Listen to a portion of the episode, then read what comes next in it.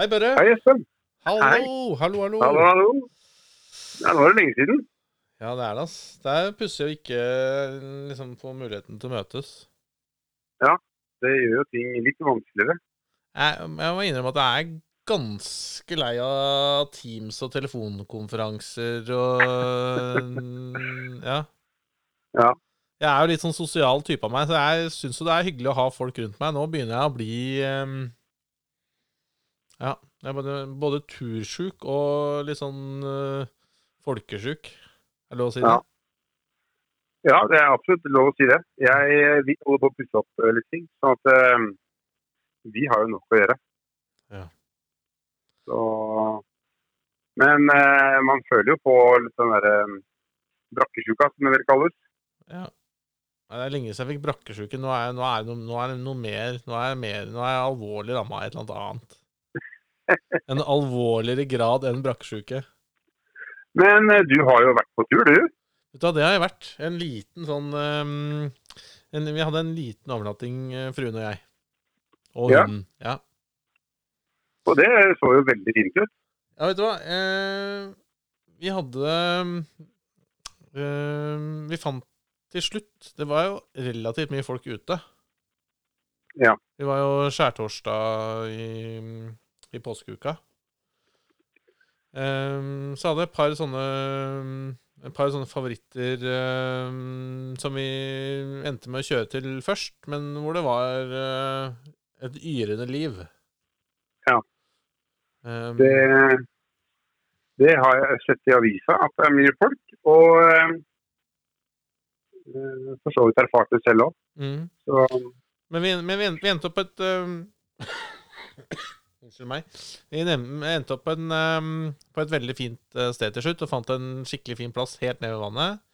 Um, fikk rigget Det er jo første Det er jomfruturen, egentlig, med, med den bilen og teltet og åningen og liksom uh, hele sulamitten. Ja. Så, det er kult. Og alt funka. Eh, alt uh, funka. Nå var det ikke liksom Jeg hadde ikke fått uh, venta på noe et, et, et bord og et par stoler og litt sånn uh, småtjafs, men eh, Men alt i alt så var det en sånn veldig bra sånn dry run. Ja. Så nå er jeg klar. Men det var jo litt vind, eh, så det var litt sånn kaldt til å begynne med. Men uh, så Mm. løya det sånn rett etter solgangsprisen, og så blei det en helt utrolig fin kveld. Ja, da har det jo vært Da har det absolutt vært turen Ja, ja, det- jobben og styret. Ja, vi hadde også, Men det ble en litt sånn kald natt for um, med, med helt skyfri himmel, så Og noen flere høydemeter enn først kalkulert, eh, så ble det minusgrader på natta. Og det var um, Vi hadde ikke egentlig med sovepose for eh, flere minusgrader. Nei, veldig kjølig. Ja, så ble det kaldt for bikkja nede i bilen, så han måtte opp i teltet, og så, ja. ja. Det blei det ble ikke verdens beste natt, men, eh, men en veldig fin kveld og en innmari koselig morgen. Ja. Så nå er vi klare. Nå, nå er liksom ting eh, kjørt inn. Nå vet du hvor ting ligger, og eventuelt hva som trengs å Suppleres. Ja, så det er en bitte, bitte liten liste med litt sånn småjusteringer, men det er ingen, det er ingen store ting, så det er, det er bra. Men eh, jeg hørte noen rykter om at du har det på tur òg, ja. Ja, Hvordan, eh, jeg har det. du, du, Det endte jo på legevakta. Ja, det, Så, og det var jo egentlig Hva skal man si? Man skal liksom ofre seg.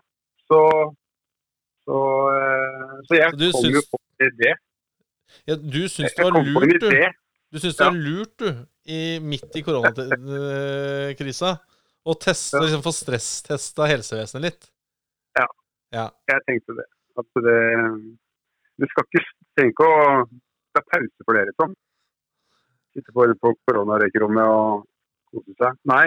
Så jeg, jeg var nesten til jeg hogga av meg fingeren.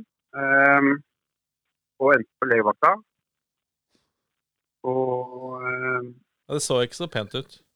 Nei, det så ikke så pent ut. Um, og man lærte litt av ting av det, kan du si. Vi hadde Mm. akkurat satt opp telt og hengekøyer. Mm. det, så vi hadde da på en måte ikke Vi hadde ikke med noe primus, vi skulle lage mat på bål. Vi Mm. hadde jo med masse jeg skulle lage mat i ordentlig Jon-stil. Um, så jeg var helt avhengig av å ha et bål. da. Så jeg skulle splitte noen uh, ved, vedkubber. Og skulle så klart bare kappe den siste pinnen som var litt tjukk, Mm. og rett gjennom fingeren. Ja. Så da var det bare å på en måte holde det her så tett som mulig. Eller så hardt som mulig, så ikke det kommer så mye blod ut. Og så var det å finne Hvor var det da denne her medic-bagen? Mm. Eh, Opp med den, finne noe som ligna en bandasje. Snurre egentlig sånn ja, hardt mulig, da, for det, eller så hardt som du følte du trengte. Og så dro vi på legevakta. Og, da- og så måtte vi bare nødpakke hele leiren. Mm. Så fordel av å ha store bager Vi hadde jo bare, i og med at man er på biltur, så, så var det ikke noe sånn komprimert bagasje. Mm. Uh, store bager, bare dytta teltet oppi, rulla sammen uh, så, eh, liggeunderlag, putta oppi. Og alt bak på bilen, og så til legevakta. Så vi var jo på legevakt i løpet av ja, tre kvarter, kanskje. Ja. Og fikk sydd da innen uh, Når jeg kom dit innen ti minutter. Ja. Så det jeg vi tenkte vi kunne snakke om i dag, er jo eh, førstehjelp. da. Ja, altså, mm, først, altså Førstehjelp på tur um, kan jo være litt utfordrende. For det, det kan jo skje ja, kan alt mulig rart. Um, jeg er ikke noe ekspert på området, men kanskje vi skulle ringt til noen som er det? Ja, det hjelper jo. Det er litt som å ringe Jon. Ja, vi har, vi har jo en Jon for alt, vi. Ja, vi har en jord på alt. Ja. Nei, jeg tenkte vi skulle ringe Bjørn, som er en bekjent av Eller en kompis av meg, som er um, paramedic. Eller um, Jeg vet ikke hva det norske Men han jobber med Han jobber på Ambulansesjåfør? Ja, eller han jobber på ambulansen som first responder. Eller som uh, første Førstehjelp. Ja. Så han, eh, han bør jo kunne et og annet om dette. Det tenker jeg er eh, Det kan bli spennende. Det kanskje kan lære noe om jeg gjorde det riktig eller gjorde det galt. Vet du hva, vi, eh, vi tar og ringer Bjørn, da. Kult.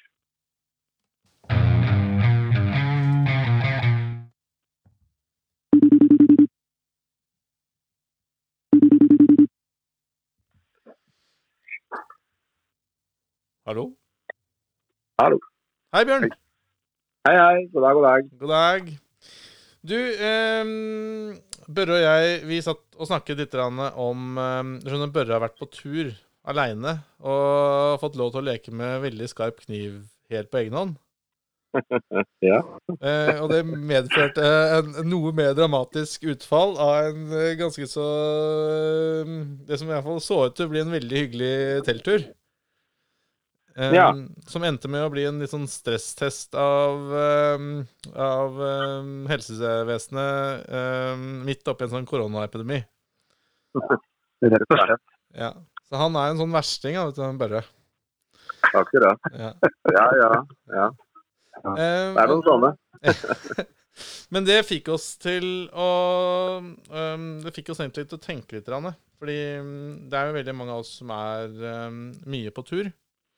Øhm, og noen ganger um, litt lenger unna type et sånn velfungerende sykehus enn enn hva man kanskje er sånn normalt sett sånn i, i hverdagen. da. Mm. Um, så det er liksom litt sånn todelt. Jeg har lyst til å snakke med deg om um, Eller som vi har lyst til å snakke med deg om, Bjørn. Det ene er liksom, um, er liksom førstehjelp, sånn hjelp til selvhjelp når, hvis uhellet er ute når vi er på tur. Ja. Og så er jo vi uh, ofte ute og kjører en del. Kanskje mer enn folk flest. Uh, litt på sånne lengre, lengre turer.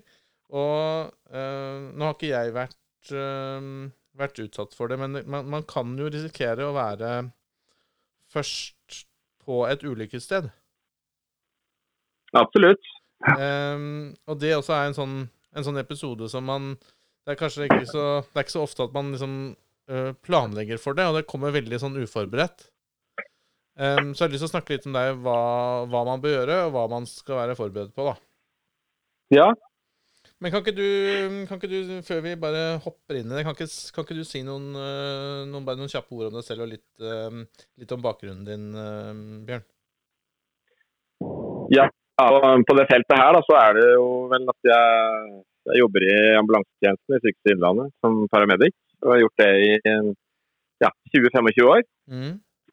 Så ja, så jeg har vel vært med på mye rart, jeg. Men uh, det er klart, det er uh, Det er vel det det handler om. Jeg jobber mye med det, men jeg jobber òg med sånn krisehåndtering etterpå da, på, på egne mannskaper. For det, selv om vi er ute på veldig mye sånt, så, så, så er det ikke noe sånn Det er ikke noe spesielt bedre for oss å stå i det enn det er for andre folk. Men, men vi har liksom lært oss til å, å takle det på en litt annen måte. Da, og så får vi heller, heller hjelpe hverandre litt ekstra hvis det skulle være, være behov for det. Så jeg jobber mye med, med stress og stressmestring og, og litt sånn derre det å ta seg av uh, eget mannskap etter store traumer, da. Ja. I, tillegg til, uh, I tillegg til det å, uh, å jobbe i selve ambulansen. Ikke sant? Eh, Mm. og for oss uinnvidde, hva vil det si å være paramedic? Paramedic er en videreutdanning etter at du er, eh, har en eh, utdanning som, eh, som ambulansearbeider. Det er en fagutdanning som du har med lærlinger til fire år. Eh, Så kan du etterpå søke da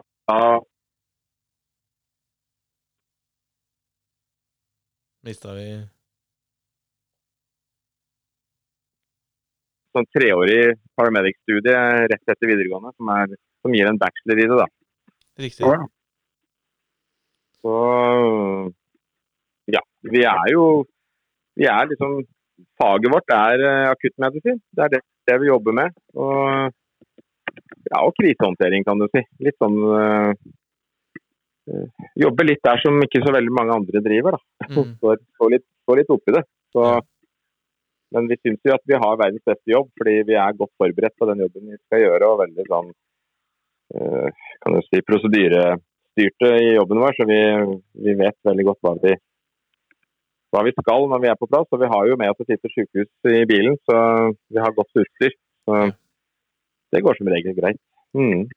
Ja, Da høres det ut som du vi har kommet rett, da. For det er jo, det er jo førstehjelp som, um, som preger mye av det vi skal snakke om i dag. Ja. Mm. Og Jeg tenkte vi kunne dele det inn i to. Ja. Altså sånn, Én er sånn type eh, på camp. Eh, camp og plass og sånn off, uh, off the grid, liksom. Eller sånn ute av uh. Mm. Og en annen ting er jo hvis man da kommer til uh, en ulykke. Det tror jeg er smart. Vi kan, jo, vi kan, jo, vi kan jo ta det som um, ligger tettest for hånden, uh, Børre, og det er nemlig førstehjelp i camp. Her er hånden. Ja. Her er hånden, Ja. ja. Ja da. Nei. Det er jo det er sikkert noen Dette har jo du masse erfaring med, Bjørn, men det er sikkert noen sånne gjengangsskader som er vanligst på, på den type aktivitet. Ja, altså, ikke sant. Eh, Kniv og øks og motorsag, holdt jeg på å si. I hvert fall kniv og, kniv og øks. da, og slike ting. At man, eh, man skjærer seg, får et kutt, da, eller eh, ja. Faller og slår seg, eller brenner seg på et eller annet. Eller alle sånne type skader er jo sånn, kall det friluftsskader, da. Mm. Beinbrudd òg er jo en liksom, mulighet. Falle og slå, slå seg og litt for mye, liksom Mm. slå seg litt for mye. Så det, det er mye sånt. Da, og um, det er ja, litt førstehjelpsutstyr. er Man bør ha med seg litt, grann, og det, det er så lite som skal til, egentlig. Jeg for min del kommer veldig langt med, med plaster og sportsteip og litt kompressor og litt sånn uh, litt sånn uh, ja, klorexidin, sånn uh, rense... Rensevæske. Mm. Ja. Men hvis Men jeg kan si det også, at det er liksom, I forhold til det å drive og, og lete på apotek etter alle mulige sånne ting, så, Kanskje det aller beste for huden din er jo hvis du kan vaske det rent med bare vanlig varmt vann. Ja. Så, ja. Så det er jo Det kan du si er det som på en måte påvirker gro, groinga i huden minst, da. Det Mm. mest, mest positivt. Så det Vi kjøper alle mulige sånne remedier, ikke sant. Så klare seg litt sjøl, så er jo så kommer man langt med det veldig enkle. Så ja. Sportsteip er jo min favoritt. Jeg bruker både til gnagsår og til å stive av ledd hvis jeg må på en måte reponere en skade eller altså, spjerke et brudd da, eller sånne ting. Eller, ja. øh, Så det er veldig anvendelig. Det er bare ekstremt vondt å ta av når du kommer på sykehuset. da. Ja. Det er jo sånn det, øh, det, gjør litt det gjør litt godt underveis til sykehuset da, at man Ja. Har stiva av beinet, kanskje. Hvis det er f.eks. et brudd. Mm. Men hvis vi skulle, hvis vi skulle liksom begynt sånn helt eh, i den ene enden av skalaen, som på en måte er, er kuttskader Ja, ja. Så det er, liksom, det, er, det er vel det, det, det du sa med også um, rense. ja, først kan du si det at kuttskader, det blør. Ja. Og, Er det, jeg har hørt at det er en fordel å la det liksom blø ja, blø litt, ja. Men eh, det trenger ikke å blø mye. Ja, for det, det renser seg. Det, det vil jo komme ut det som måtte eventuelt sitte der av sånn litt sånn overfladisk sånn grus og sånn. Det, det kan man liksom på en måte la, la det blø litt, grann, og så kan man la oss si, vaske det litt med, med litt varmt vann og sånne ting. Så vil man jo få et rent skrubbsår som man kan liksom på en måte da plastre etter hvert, ikke sant. Mm. Så, men så har du de kutta som kanskje kan være litt dypere, da, som blør enda mer. og Da er det litt mer viktig å tenke at man kanskje skal, kanskje skal ta den som, som altså Huske på at det stedet hvor det blør, at man holder det høyere enn hjertet, liksom, litt over, over kroppen. Ja. Fordi da, da blir ikke trykket så sterkt ikke sant, ut i fingeren da, som, som hvis du holder hånda ned. Og Det vil hjelpe på, liksom, til, det vil gjøre at det ikke blør så sterkt, og da vil det lettere liksom, slutte å blø, kan du si. da, Eller få kontroll på det. Det er verste er jo hvis du får en eh, ja, pulsåreblødning et kutt i en åre, ikke sant. Så er det jo Ja, veldig ja, for da, da det, da blir det jo Jeg hadde glemt hvor grisete? Jeg hadde liksom glemt hvor grisete det blir. Blod blir utrolig grisete. Blod, altså Det skal ikke mye blod til før det ser ut som det er veldig mye blod. Så det, det er bare bitte lite grann blod, så, så tror vi Vi kommer ofte ut på ting hvor det liksom Å, har blødd masse, ikke sant. Og så når du ser hva det er, så, og du har vært borti det før, så ser du at det er kanskje bare lite grann. Og da snakker jeg om under en desiliter, ikke sant.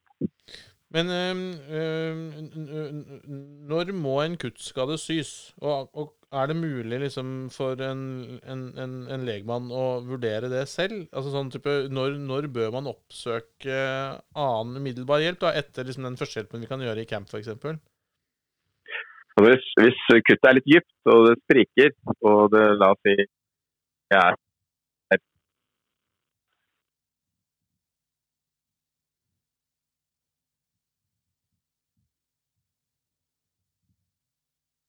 da ser man med en gang at oi, her må vi, her må vi sy. Men et kutt som ikke er særlig dypt, bare går litt under huden og, og på en måte lar seg på en måte temme av at du bare komprimerer oppå, så ser du at blødinga gir seg ganske bra. da Mm. så, så er det kanskje nok å bruke. Du får sånne strips òg, da. ikke sant? Hvis du vil liksom avansere litt, så er det liksom sånne strips, sånn teip som du bare legger på huden. ikke sant? Og så legger sårflatene inntil hverandre liksom, og, og, og teiper over. da. Ja. Så på en måte fungerer litt som uh, å sy, kan du si. da, Men det, det vil ikke være noe som holder uh, altfor lenge. I hvert fall ikke uh, sånne litt dype kutt. Det må inn og sys uansett. da. Men det kan være greit å kanskje stripse inntil, da, så det liksom blir uh, mindre blødning av det. ja. Men, Mm. men, men, men da ville du oppsøkt uh, profesjonell hjelp? Ja, altså for å si det sånn, hvis, hvis, vedkom, altså, hvis det er et kutt, da, la det si at det er litt gift, men altså, man får god kontroll på det. Man får kanskje strippa det inntil hverandre, og så får du kanskje eh, bandasjert godt, og blødningen gir seg, og du kan ha hånda i fatle, liksom, så er det jo litt sånn eh, Så er det ikke så krise. Nei. Da kanskje man kan vente til dagen etterpå. Men eh, hvis det da viser seg at det er noe som på en måte er eh, Så må man liksom Da må man liksom rufse litt i det, da. Og det kan jo være litt vondt liksom, hvis man liksom Må krasje litt i det for, å, ja, for at du skal Mm. liksom få gode groflater igjen etterpå. Altså. Mm. Men man får jo bedøvelse i, når man driver med sånt, så det er jo ikke noe krise uansett. Uh, Nei, det var det første stikket som var vondt når jeg var på legevakta nå. Det var ett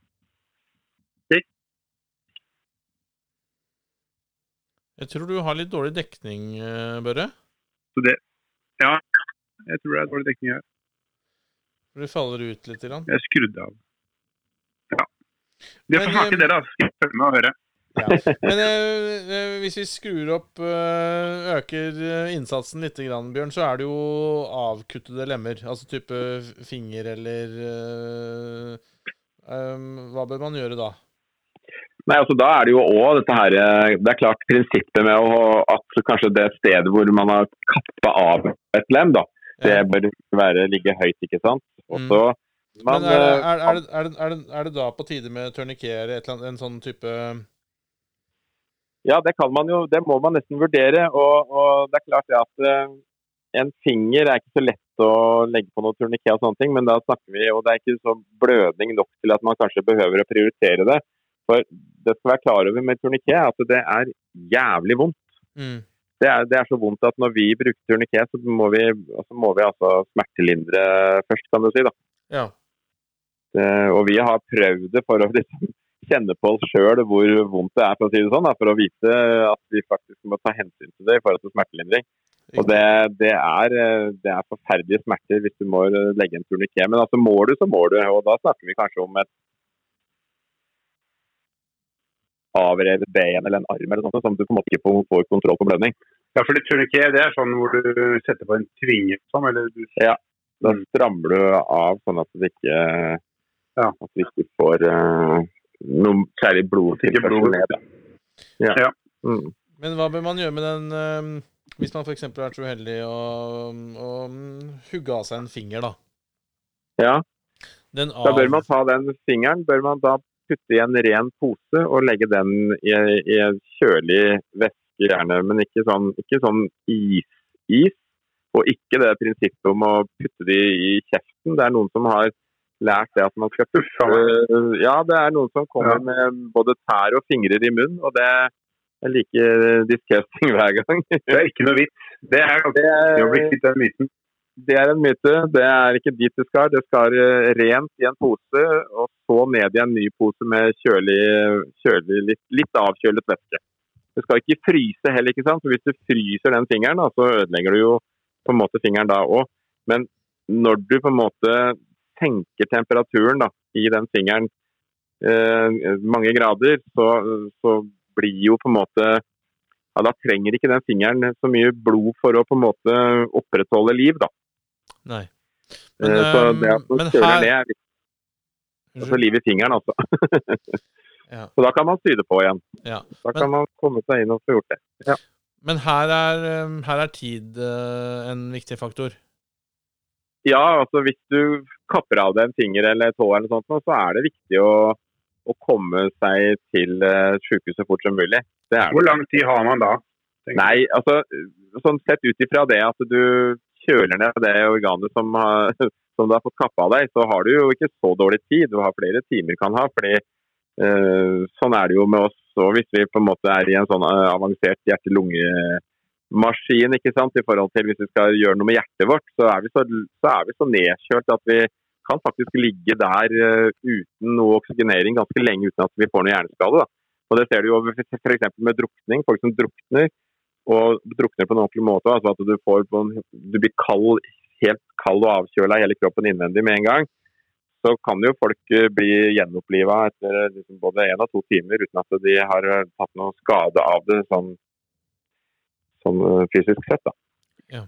Så, så det er ikke det, så, så det Men det er jo veldig greit når man har en avriven finger eller arm eller bein å komme seg altså Det er jo vanvittig vondt. Og hvis du i tillegg skal legge på en turniké, så er det forferdelig vondt. og det er jo hvor stor kontroll du har over blodtap og sånne ting, er jo også en sånn variabel som, som man kanskje ikke har helt kontroll på når man ikke har drevet mye med det. liksom. Så, Mm. Jeg vil jo ikke akkurat uh, legge noen store pauser på den turen til sykehuset. Men selvfølgelig ikke, ikke noe vits å kjøre med blålys heller, altså. Nei, men komme seg til, um, til profesjonell hjelp så fort som mulig. Ja. Um, OK. Um, jeg Det neste på lista mi er litt sånn fallskader. Fall? Fall, ja. Ja. ja. Altså, type når vi er ute og trasker på tur, så, så kan man jo Man kan jo risikere å falle og få både slag og bruddskader. Ja. Da tenker jeg først og fremst en slag mot hodet, ansikt øh, og, og mer sånne generelle ja, Det er vel ben og armbrudd eller skulder ut av ledd og sånne ting som um, er litt sånn gjengangere, er det ikke det? Ja da, det er jo det. Og det er klart at det som er Alt er jo på sin måte alvorlig, men det er klart det at det å få en hjernerystelse, da, for, altså få slått huet sitt og få en hjernerystelse, det, det er litt viktig, å, litt viktig å ta tak i med en gang. da. Mm. Og hvis man har hatt en hjernerystelse, og det kan du vel si med at du har på en måte hukommelsestap, eller du blir trøtt og du på en måte utilfreds og kvalm i forhold til at du har falt, da. Mm. så er det jo viktig å inn til sykehuset og observeres der. Og da ja. er det jo en sånn observasjonstid. De skal på en måte overnatte dagen etter. Mm. Uansett hvis man har en på en måte bekreftet hjernerystelse som sier at man altså rett og slett har, har, vært borte, da, eller at man har hukommelsestap. Mm. Mm. Mm. Og det skal man være litt obs uh, på, ikke sant? Ja, det er veldig viktig. og Det er klart mye som kan skje når et hue slår hardt imot bakken. ikke sant? Én ting er jo selve kraniet, som jo er veldig sterkt, men det blir jo en sånn ristning inni der som kan på en måte rive løs kanskje en liten blodåre eller noe sånt, som kan skape en indre blødning i kraniet, da, mm. i hjernen din. Mm. Og Det er veldig viktig at man får tatt et uh, røntgenbilde, eller en uh, ja, i hvert fall, hvert fall et røntgenbilde. Men uh, CT òg kan være aktuelt, slik at man helst, ja, kanskje helst en CT, men i hvert fall det er ikke alle som har det. men, uh, men man må i hvert fall utelukke blødninger og skader sånn sett. da. Mm. Og sånne skader med fall, det, det kan jo, særlig hos gamle, kan det på en måte være noe som på en måte ligger og siver og blør over lengre tid og blir en sånn skade som man kanskje ikke oppdager flere før etter en uke eller to. Da. Men det, det, er litt sånn irrelevant kanskje å si her, men i hvert fall viktig at man hvis man har slått hodet og man på en måte er kvalm, kaster opp, hukommelsestap og alt dette her, så skal man til sykehus. Mm. Um, det, og, hvis man ikke skal det, opp, så er det viktig at man uh, er litt usikker hver langt borte. Så ved jevne mellomrom så man ser at det ikke er noe forverring. ikke sant? At man er like vekkbar og grei, da. Ja, ikke sant. Mm. Om det er like og like, med. Er det ja. det man sjekker? Ja. ja. Så man ikke plutselig merker at personen blir mer somnolent og ja, ikke vanskeligere å vekke og vanskeligere å på en måte få kontakt med, da, kan du si. Og kanskje at man begynner, må begynne å røske og rive og klype dem i huden og alt mulig sånne ting ikke sant? For, å, for å vekke dem. Så da kan man si at da er det jo et eller annet negativt som skjer her. Mm. Da blir man jo mer og mer bevisstløs, kan du si. Og det er et litt dårlig tegn, da. Mm. Mm. Um, brudd, forstuelse, type sånn leddeproblematikk? Ja. Nei, altså det er jo, Med brudd så er det jo to ting. og Det ene er jo at et, et skikkelig av bein eller arm eller finger eller noe, det vil man jo se med at man har en sånn akseforandring. ikke sant? Man ser tydelig at det er et brudd, og da er det jo et brudd. Men man skiller, man, skiller, man, man skiller i hovedsak mellom åpent og lukket brudd, ikke sant?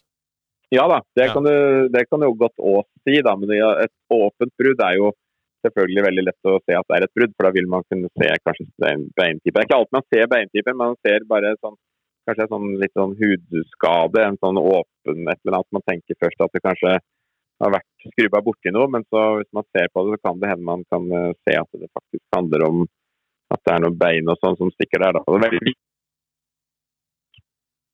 da.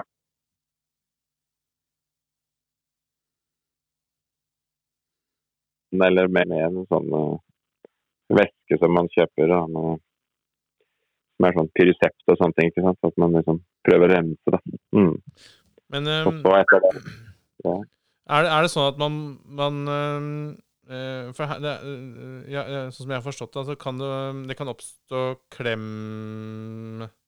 um, um, Klemskader? Altså sånn at, at, at blodårer eller andre ting eh, i en sånn dislokasjon, da, eller i en sånn situasjon med, med brudd, at um, at, um, at det er viktig å få uh, Selv om det høres dramatisk ut, bør man liksom få strekt ut bruddet? Eller bør man bare la det være? Det er veldig fint å strekke bruddet. og man, man bør kanskje ha litt sånn peiling på hva man gjør. At man ikke drar altfor hardt og, og sånne ting. Men samtidig så skal, må man jo dra ganske bestemt. for å på en måte, Det er jo muskulatur og styr. så Hvis beina er tvers av, så, sant, så må man faktisk ta i litt for å, for å trekke ut muskulatur, sånn at beintipene kommer litt ifra hverandre. da. Mm. Men eh, det er klart at eh, det er ikke noe man behøver å begynne med hvis man er helt ukyndig på det. Men, men det vil faktisk òg smertelindre hvis man klarer å strekke litt i bruddet og, og liksom og, og mm, fiksere det sånn i litt sånn strekt stilling. da. Eh, noe som er viktig, er jo hvis man får et eh, brudd i ankelen, så, så må vi liksom, det må, bør reponeres. da, At man ja, strekkes i. da, altså at man for det får man liksom en sånn som du sier, at man, eh, blodårer og sånne ting kommer i klem, så blir man dårlig sirkulert. Og når man blir dårlig sirkulert, så blir jo på en måte kan jo faktisk da foten bli ødelagt. Mm. Dø, rett og slett. Og da står man der plutselig uten fot.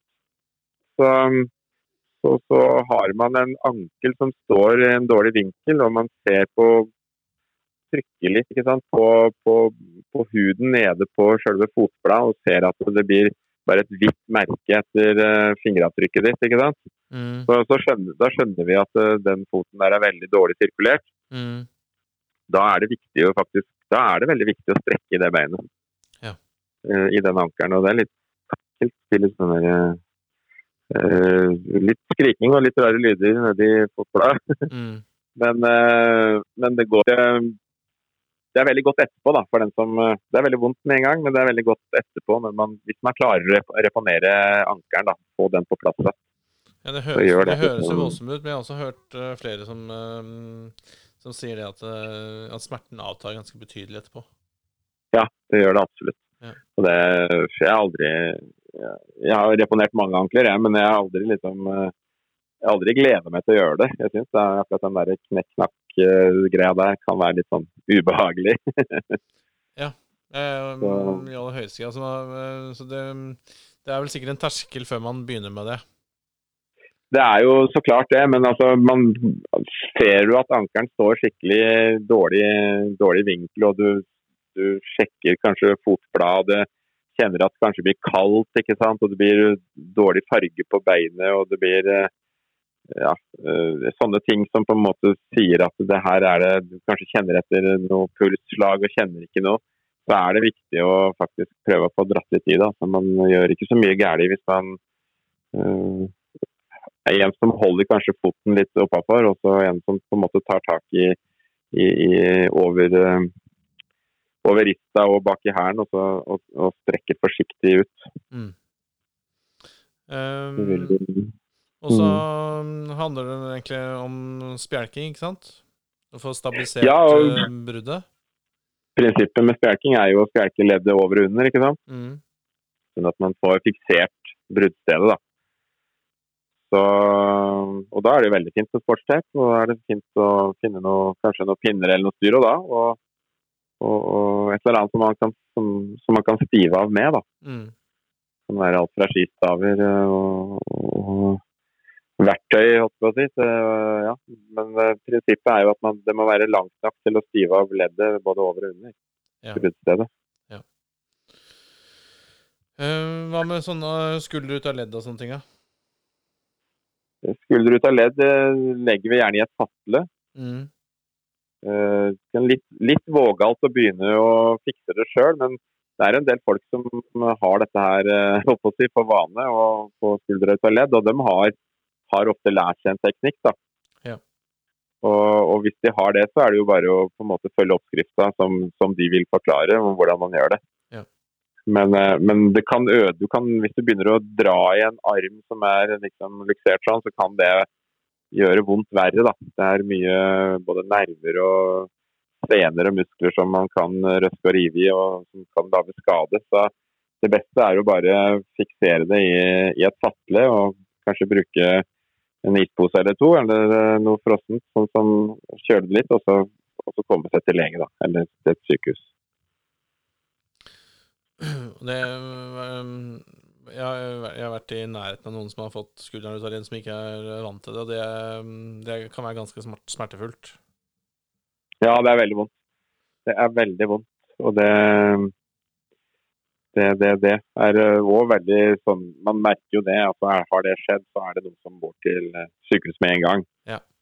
Uh, er det veldig smertefullt, kan man tenke over dette her med at hvis man ringer en ambulanse, da, så får man jo smertelindre på stedet, i stedet for at man må sitte og humpe i en bil flere mil. da. Ja. Uh, Så, jeg tenkte vi mm. skulle komme litt tilbake til det etterpå, men um, det neste store er vel uh, brannskader. Ja, Um, i, I det ene enden så er det vel uh, det at man f.eks. kanskje søler noe kokende vann over seg, eller, uh, eller Mm. tilsvarende. Og så er det jo hele veien opp til, altså til rene brannskader, hvor man brenner seg Om det er på et bål eller en grill eller en gassflamme eller hva som helst. da. ja.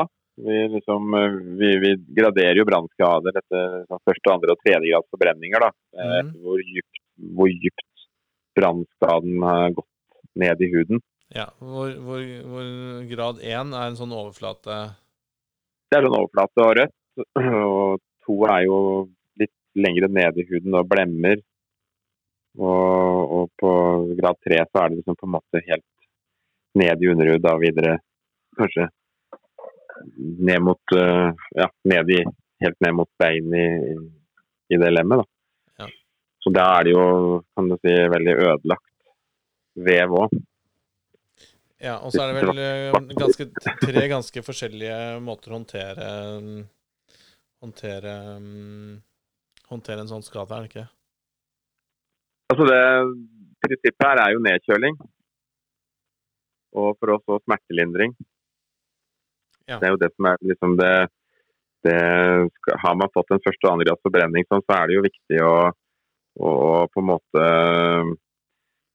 prøve å kjøle ned, da, så man på en måte begrenser skaden mest mulig.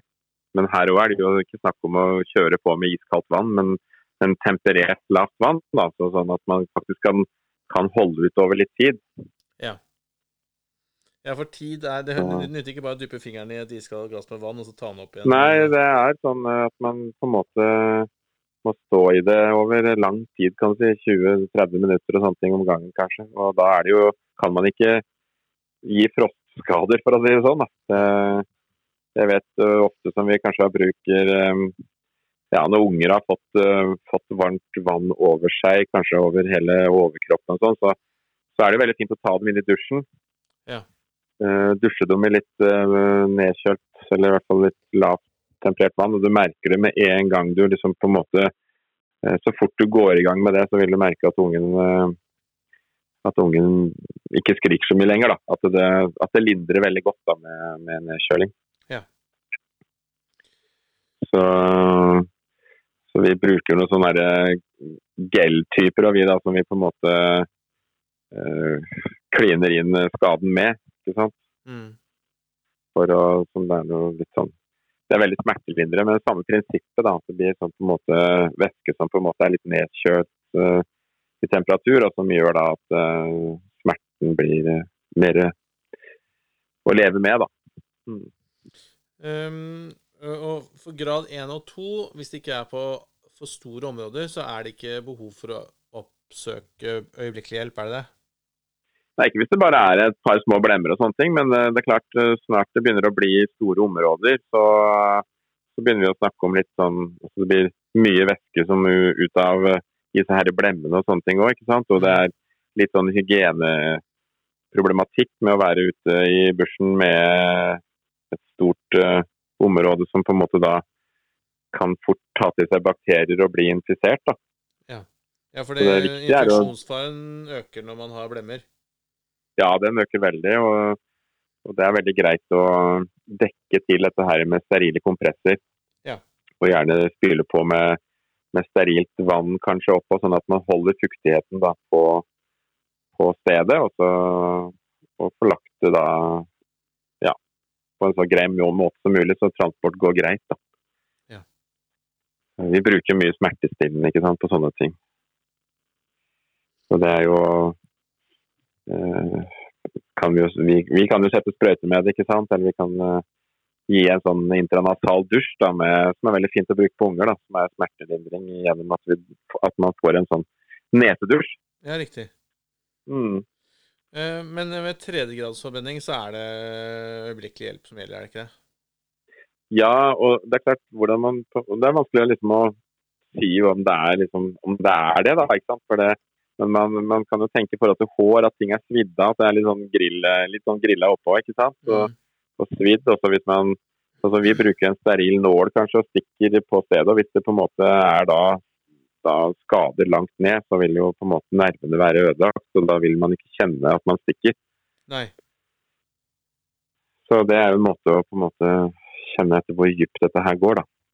Ja, riktig. Men det er jo ikke noe man stikker rundt og og infiserer med, men det er litt en sånn Hvis man har en steril nål, så kan man jo finne ut om det er dyptgående forbrenning, eller om det er overfladisk. Ja. Det, ja. det er sånn vi felt, feltfolk gjør. Ja. ja. Um, jeg bare tenker sånn Hva um, Hva bør man ha minimum i en sånt um, i en sånn førstehjelpskit i bilen. Vi har jo muligheten til å ha med oss litt mer enn man kanskje normalt sett har på sånn en, en, mer sånn fottur um, fotturvariant, da. Ja. Hva, hva, ville du, Nei, hva ville du pakket med? Nei, off, dette er jo vanskelig, men liksom, det er veldig greit. tenker Hvis man kommer ut for uh, altså store blødninger, kompresjonsmulighet, sånn enkeltmannspakke, ikke sant. Mm. Sportstape, når jeg har pratet om, vanlig plaster. Uh, noe desinfiserende væske, et eller annet. Men også husk på at det med rent vann er òg en veldig fin ting å vaske hudskader med. Overfladiske skader. da. Mm.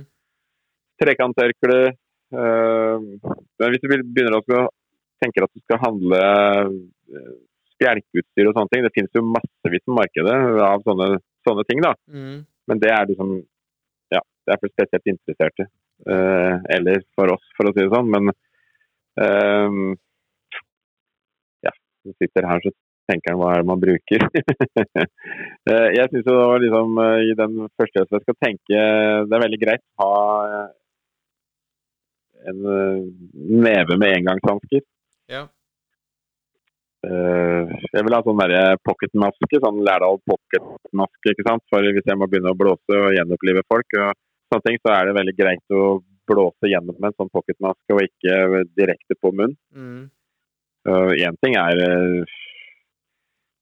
ja, smitte og snus og oppkast og sånne ting. Og, men det, det, er liksom smittsom, altså sykdommer og sånne ting òg, at man kan også at man kan ha skader rundt munnen ikke sant, som gjør at det, man ikke så lett klarer å, å, å blåse med munn. Da, at man på en måte ja, rett og slett ikke klarer å gjøre det. Mm. Og det ser jo det av og til, at man rett og slett ikke, ikke klarer å, å blåse pga. både ja, øh, væsker og blod og sånne ting. Og, og skader rundt munnen. Og, altså at det, det, skal noe til å begynne å blåse på det òg, jeg, jeg, jeg, skjønner det veldig godt, altså. Mm. Men øh, ja, har man en sånn Lærdals uh, pocketmaske, man jo på en måte det man trenger. Ikke sant. Mm. Er det noe annet ting du Jeg tenker sånn vi, vi skal, vi, Jeg har litt lyst til at vi skal bare kjapt innom um, uh, stabilt sideleie. Ja, og det er vel ikke noe du har med deg, da, men det er noe du gjør. men du kan jo, du kan jo også si det, da, at det er, jeg tenker i forhold til øyeskader og sånne ting også, så kan det være greit å kanskje man kan ha en sånn øyeskyllesak, ikke sant? sånn som man kan sette inn på øyet og blunke. Men der òg er jo rent vann eh, som kan helle fra sida òg et veldig godt hjelpemiddel. Ja. Kommer langt med vann. Jeg, jeg snakket med en lege, uh, legekompis. Han sa hvis du er i nærheten av sjøen, så hopp uti. Nesten uansett hva det var. Om det var Ja. brannskade eller sårskader eller, um, eller um, fremmedlegemer i øyer eller hva som Bare hopp i sjøen, liksom. Ja, ja, ja. Ja da. eh, Det bør ikke være Man mister jo litt huet da når det skjer noe. Man er jo redd for at det liksom er alvorlig ikke sant, og sånne ting. Men eh, klarer man å holde huet kaldt, så, så ser vi jo det gjentatte ganger vi at når vi kommer fram, så er det jo egentlig ikke så farlig. Men det at man er redd for at det er noe farlig, det, og ikke klarer helt å, å holde hodet kaldt, for å si det sånn, så man ikke liksom uh, får ordentlig oversikten, da, mister litt huet, som vi sier. Så, så hvis man klarer å puste godt og gå inn i situasjonen og, og, og være realist, så, så ser man ofte at man eh, kommer langt med, med enkle ting. Altså. Ja. Og så er det vel, det er vel bedre å ringe nødnummeret For all del, ring, ring 113. For det, altså, ring 113 er jo ikke bare for å angående akkurat det med å bestille en sykebil. Det er òg en veiledning. Ja? Man kan Det få veldig mye eh, hjelp i en sånn, yeah. en sånn situasjon hvor man eh, kanskje mister litt hodet da, og ikke husker liksom uh, hvordan gjør jeg det, eller hva er det, eller hvorfor det, og at det Ja, er bedre, det er bedre får- å ringe en gang for mye enn en gang for lite.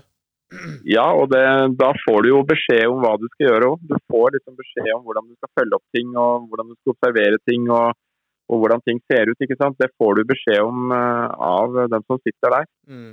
Så, så det er et veldig godt hjelpemiddel. Um, hva. Hva med um, stabilt sideleie?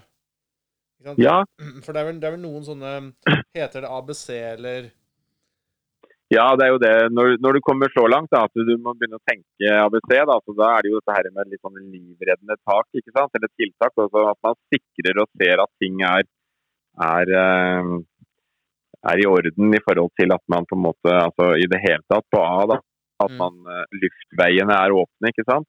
Det, det første man uh, gjør er jo på en måte å kanskje bøyer hodet forsiktig bakover, slik at man åpner luftveiene så pasienten får luft inn. og da er det ofte, Hvis det har vært dårlig passasje der, så er det ofte at de liksom drar pusten ganske bestemt med en gang. at det liksom, Du merker at det, der var det ganske trangt, så de, de har pusta dårlig en stund. mm. Så liksom når, eh, når luftveiene da er eh, frie, så er det jo da hvordan puster pasienten da på B, sånn breathing. og det er sånn det at pasienten da puster, at, at brystkassa hever seg, eh, at du kjenner eller Hvis du legger kinnet inntil munnen omtrent, så vil du jo kjenne lufta gå ut og inn, ikke sant? Mm. Og det å se ikke sant, sirkulasjon, da, at man har, eh, man har eh, blodsirkulasjon, Mm. at den er bra. Mm. Så det er liksom tenke ABC, det er jo viktig. Å tenke A først og rette på ting hvis det er noe galt der. Og tenke B nest og rette på ting hvis det er noe der. Og tenke C nest som- og rette på ting hvis det er noe der. Mm. Og stabilt sideleie er en sånn Det er en, en sånn en posisjon hvor man kan legge eh, kroppen til en pasient som Da har du, en, har du jo i utgangspunktet en pasient som jo er kanskje bevisstløs, da. mm, eller i hvert fall ligger rolig, som på en måte da gjennom å ligge på sida da, med hodet litt bakover, eh, ligger da stabilt på sida, så han ruller verken over på magen eller på ryggen. Og på en måte hodet litt bakover, slik at luftveiene er åpne. Ja, og det er ofte lurt å da liksom trekke det ene kneet opp for å stabilisere, ikke sant? Ja, du liksom legger, eh, du legger det ene beinet over det andre og liksom bøyer beinet sånn at du at det, det ene beinet blir på en måte en sånn stabilisator. da. Mm.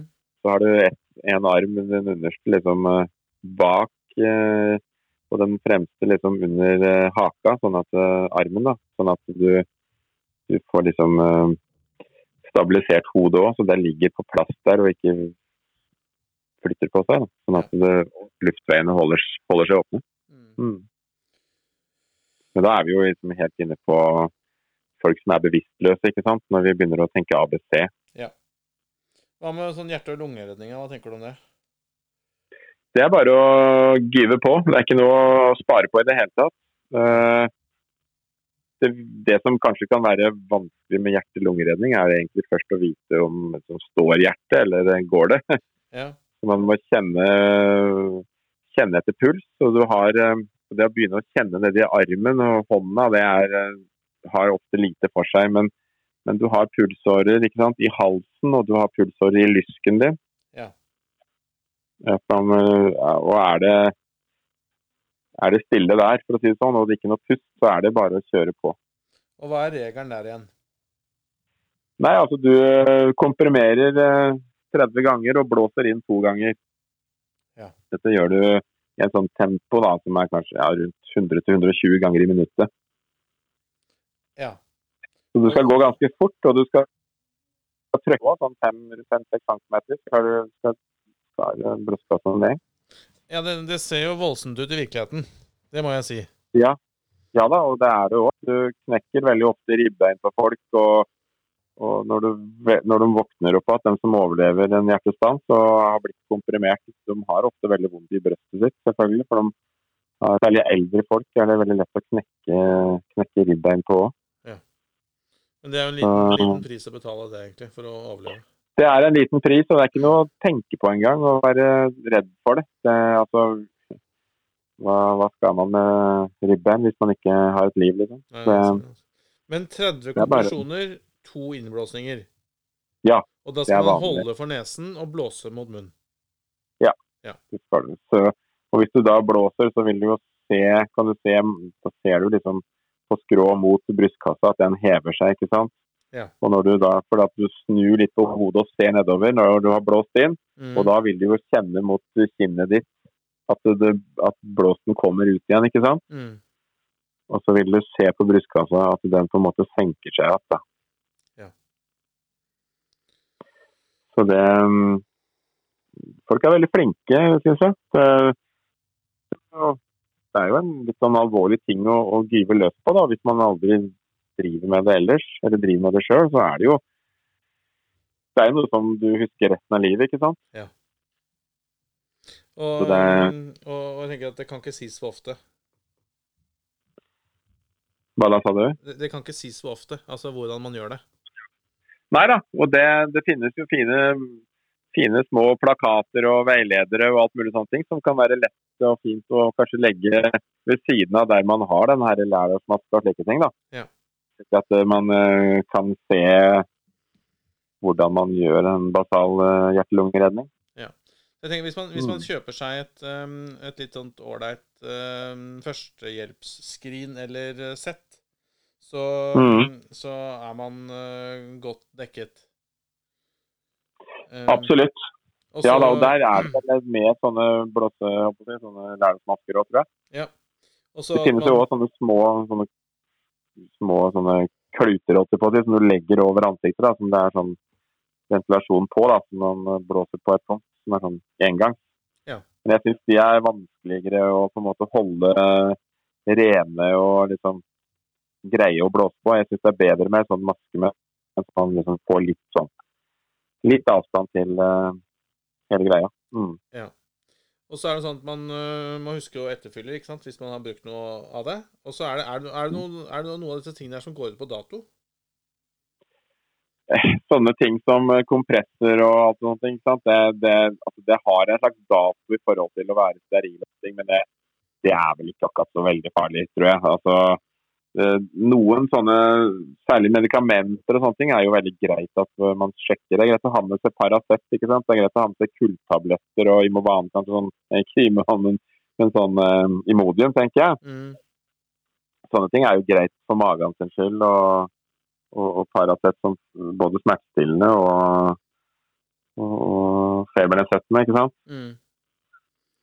Men eh, og der man, der står det en dato. Det står jo dato på alt i dag, men tenker på sånne tørre bandasjer og styr, så er jo ikke det noe å følge så veldig hardt med på. da. Utenom for oss, da. Vi, vi er jo, vi må jo gjøre det. ikke sant? Vi skal jo ikke ha utstyr som er gått ut på dato, selv om det er en, eh, selv om det er en eh, kompress, for å si det sånn. da. Men, eh, men i vanlig husholdning sånn, så om et plaster har gått over litt på tid, så er ikke det noe dårligere plaster. altså. Nei. Nei, men kanskje, kanskje en sånn god regel å gå over uh, førstehjelpskrinet sitt en gang uh, før sesongstart, og så bare sørge for at det er komplett. Ja, ikke sant. Er det pin- pinsett da, er jo der.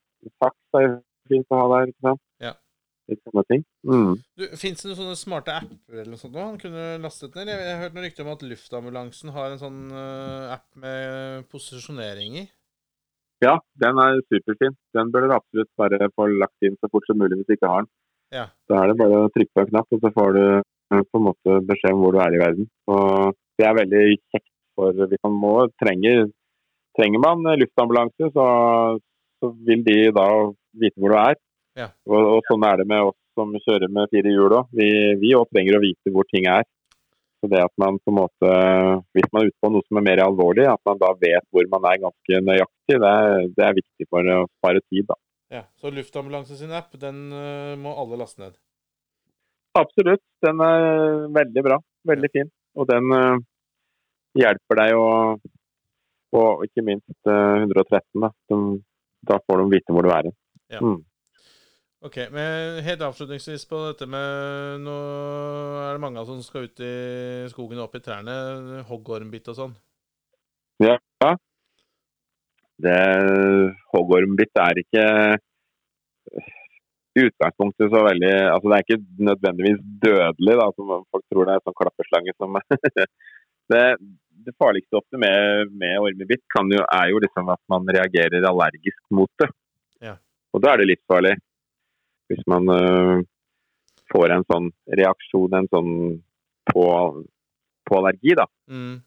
Det kalles gjerne for en sånn anafylaktisk reaksjon, hvor, at, eh, hvor man på en måte går i en slags sånn medisinsk sjokk, på en måte, hvor, hvor man eh, hvor kroppen reagerer med liksom at blodårene blir forstørra.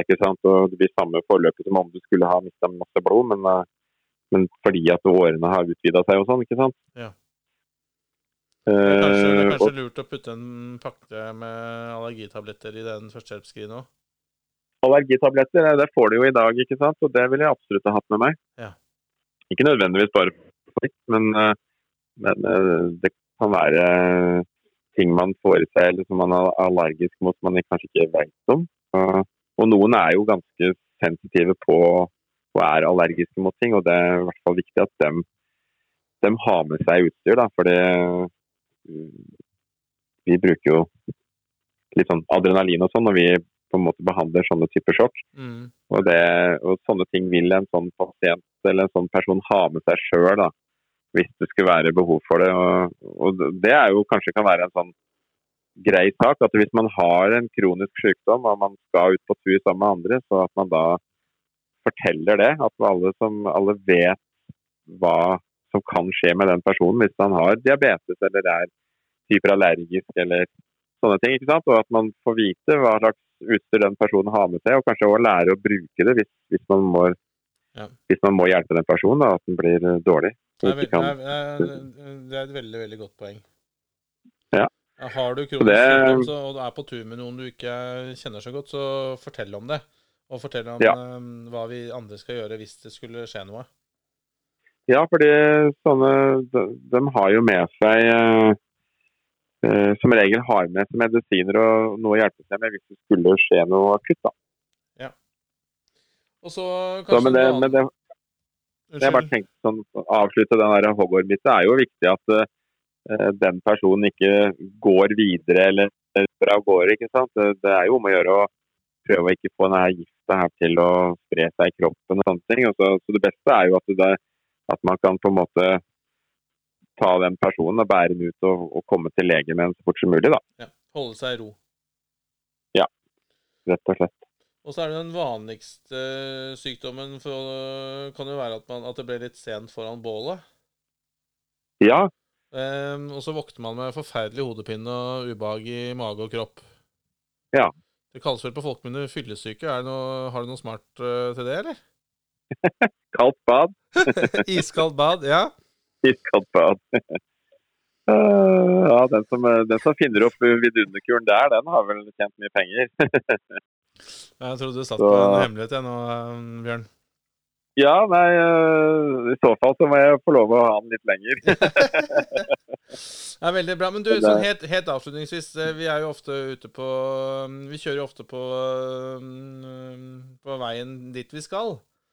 Ja. Um, hva, hvis man er først på et ulykkessted av altså Da tenker jeg ikke en, en, bare en sånn altså, Men av, en, av en viss, viss størrelse, da, hvor det åpenbart er skade, skadet uh, Altså skadede personer.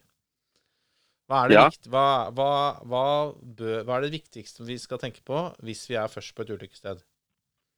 Altså Først og fremst så er det sikkerhet. Det ser jo vi gang på gang, at, øh, at biler kommer i, fart inn i ulykkessteder. Og, og det, det, det går av og til øh, helt galt. Og det øh, har vært like, like ved flere ganger. Så det å sikre ulykkessteder skikkelig med varseltrekant og kanskje å sette på varsellys på biler og, og parkere på en sånn måte at det ikke nødvendigvis er eh, bare å kjøre rett inn i ulykka, for å si det sånn. Mm. Uh, Det er jo sånt vi gjør da med utrykningskjøretøyer, ikke sant? med blålyser og alt mulig sånt. Og kanskje plassere en stor, sterk brannbil uh, midt foran, midt foran som Ja. en sånn buffer, for å si det sånn. Ja. Men, men man skal være forsiktig med det, og man skal òg tenke det at, at man parkerer sånn at, at nødetatene kommer, kommer til. da. Ikke sant? Det er Jeg har. Men jeg har eh, kjøpt et par sånne lyspucker. Sånne, mm, som er sånne varsellys. Ja, det er Eh. superfint. Og det er på med gulvesten, ikke sant, som skal være i alle biler. Ja. På med gulvesten og, og, og få ut den varseltrekanten, og ikke sett ned i grøfta. Men sett den sånn godt i veien, så man faktisk må litt bremse ned når, når du ser den. Sånn at Mhm. du rett og slett du, du ikke går glipp av at den faktisk står midt i veien der. Og ikke sett den rett etter svingen, da går du heller noen meter til og setter den før svingen. Ja. Ikke sant? Sånn at Men tenker eh, du, tenker du sikring før 113, eller 113 så sikring? Nei, altså jeg ville jo kanskje tatt kontakt eh, selvfølgelig med 113 med, med en gang, men idet jeg snakker med dem, så vil jeg jo si hvor jeg er hen. Men, og da samtidig få på meg gulvesten, få på varsling, få på sikring, altså sånne ting. Og tenke sikkerhet, og så gå inn i ulykkesstedet. da. Og hva Og bør man spesielt gjøre? viktig. Hva bør man gjøre? Det er litt sånn svingete og litt, litt oversiktlig, så er det veldig viktig å sikre skadestedet, så det ikke skjer flere ulykker. Ja. Så er det jo å gå inn, og så er det jo å finne ut uh, hvor er det skada folk. Mm. Og Da er det ikke nødvendigvis den som skriker høyest. så hvis Skal den være veldig slem her, så må den tenke sånn det vi kaller for triasje. At man, uh, at man må finne den som er dårligst først. ikke sant? Eller prøve å redde eller hjelpe den først. Den trenger mest hjelp, og det er jo gjerne den som ikke sier noen ting. Mm. Den eh, som skriker høyest, den vet vi at den har både pust og puls. Ja. Uh, mens den som da er bevisstløs, den sier ikke så veldig mye. Og kanskje har den uh, litt sånn uh, ja, at man henger framover, ikke sant. At man da har blokkert luftveier. og liksom At man tenker, tenker ABC da, fra pasient til pasient. Mm. Bruker liten tid. Er det mange pasienter, så selvfølgelig bruker liten tid, men tenker, tenker sånn Puster du?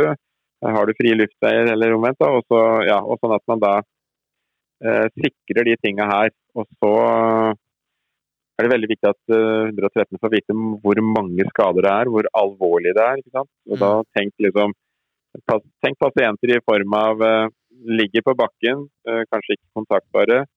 Eh, så er det dem som ligger og skriker, så er det dem som kan sitte, så er det dem som kan gå. Ja, så I en sånn situasjon så er det lurt å ha 113 på tråden hele tiden. Absolutt. Ja. Da bør du ha dem der, sånn at de kan eh, være med og observere det. Og, og kanskje kan de facetime deg òg. Ja, ikke sant? Mm.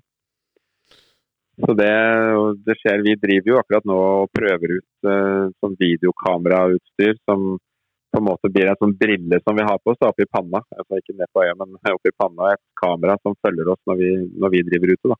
Ja. Litt for å se, se ting som ikke, ikke? Du driver og jobber på et litt hektisk sted, og da kanskje du ikke ser alt du skulle ha sett, eller kanskje du ser ting som du ikke ser. Og, ja, litt sånne ting, ikke sant. Og kan Ja. være med deg og bedømme en pasient. og ja, Du har, har de tinga der, da. Som en ekstra sikkerhet. Ja, rett og slett. Prøve å kvalitetssikre så godt som mulig. Du vet hva, Bjørn, dette her var eh, superspennende og kjempelærerikt. Og, Ja. og som, eh, og som eh, Børre også opplevde, eh, så kan det skje med oss alle.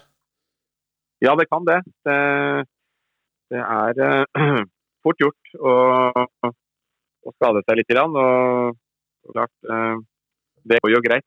Det viktige er jo å, å, på en måte være litt forberedt og tenke litt hvis man eh, kommer ut for alvorligere ting. Da, og kanskje klare å puste litt eh, godt og holde hodet kaldt. Så, så kommer man utrolig mye lenger enn eh, hvis man på en måte får litt mer panikk. da.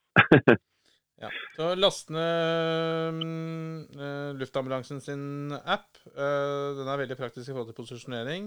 Ring 113 hvis du er i tvil. Det er bedre å ringe en Ja. gang for mye enn for en gang for lite.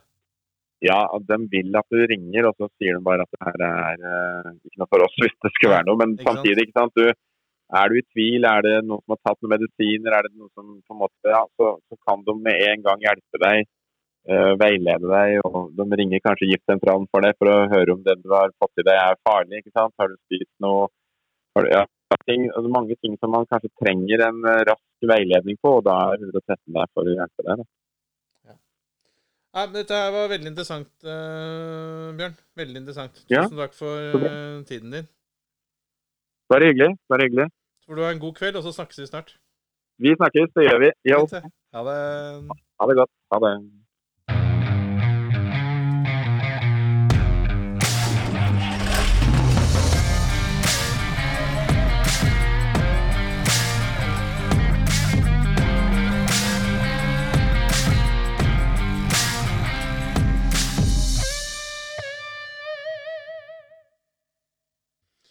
Ja, hei, Børre.